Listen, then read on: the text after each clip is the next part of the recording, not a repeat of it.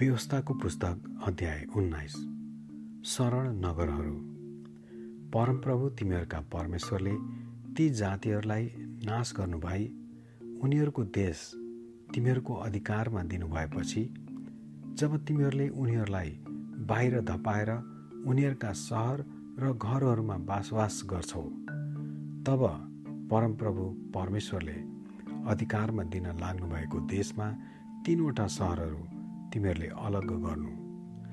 परमप्रभु परमेश्वरले तिमीहरूको अधिकारमा दिन लाग्नुभएको देशलाई तीन भागमा विभक्त गरेर ती सहरहरूमा जाने बाटाहरू पनि तयार गर्नु र ज्यानमा र त्यहाँ भागेर जान सकुन्।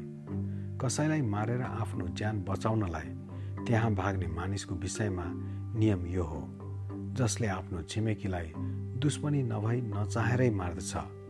जस्तै एकजना मान्छे वनमा आफ्नो छिमेकीसँग दाउरा काट्न जाँदा रुख ढाल्नलाई बन्चोरो चलाउँदा बन्चोरो बिँडबाट फुस्केर त्यस छिमेकीलाई लाग्छ र त्यो मर्छ।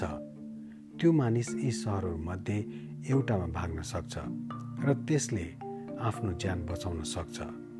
नत्रता बाटो लामो भयो भने रगतको बदला लिनेले तातो रिसमा त्यसलाई खेदेर बाटैमा फेला पारेर त्यसलाई मार्न सक्छ। वास्तवमा त त्यो मारिने योग्यको थिएन किनकि रिस राग बिना नै त्यसले छिमेकीलाई त्यसो गरेको थियो। यसै कारण आफ्ना निम्ति तिनवटा सहर अलग गर्नु भनी म तिमीहरूलाई आज्ञा दिँदैछु।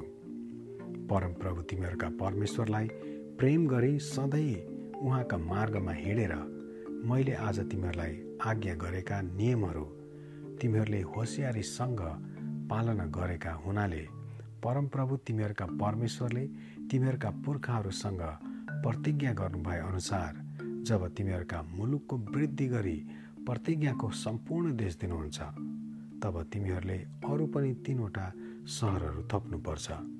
यो गर नत्र परमप्रभु तिमीहरूका परमेश्वरले तिमीहरूका अधिकारमा दिनुहुने देशमा निर्दोषको रगत बग्नेछ र त्यसको दोष तिमीहरूलाई नै लाग्नेछ।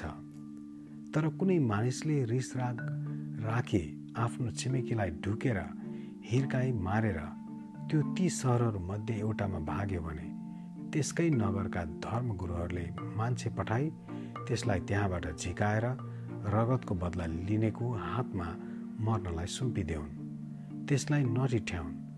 इजरायलबाट निर्दोषको हत्याको दोष हटाओ ताकि तिमीहरूको कल्याण होस्।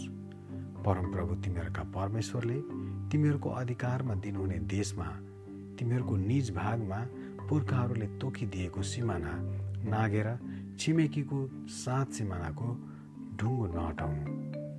साक्षीको नियम।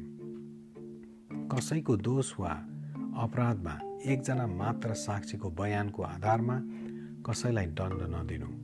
दुई वा तिन साक्षीको बयानद्वारा मात्र अभियोग काम कायम गर्न सकिन्छ। कसैमाथि दोषारोपण गर्न कोही दुष्ट मानिस खडा भयो भने वादी र प्रतिवादी दुवै तत्कालीन पुजाहारी र न्यायकर्ताहरूका सामुन्ने परमप्रभुको अघि आउनुपर्छ। तब न्यायकर्ताहरूले तिनीहरूलाई राम्ररी केरकार गर्नुपर्छ। यदि साक्षी झुटो रहेछ र आफ्नो भाइको विरुद्धमा झुटो बयान दिएको रहेछ भने त्यसले आफ्नो भाइमाथि जे गर्ने विचार गरेको थियो त्यसलाई त्यसै गर्नु। तिमीहरूले आफ्नो मध्यबाट खराबीलाई हटाउनुपर्छ। यो सुनेर अरूहरू डराउने छन्। त्यसपछि तिमीहरूका बिचमा यस्तो खराबी कहिले हुने छैन। तिमीहरूले नटिट्याउनु। ज्यानको साटो ज्यान आँखाको साटो आँखा दाँतको साटो दाँत हातको साटो हात र गोडाको साटो गोडा हुनेछ। आमेन।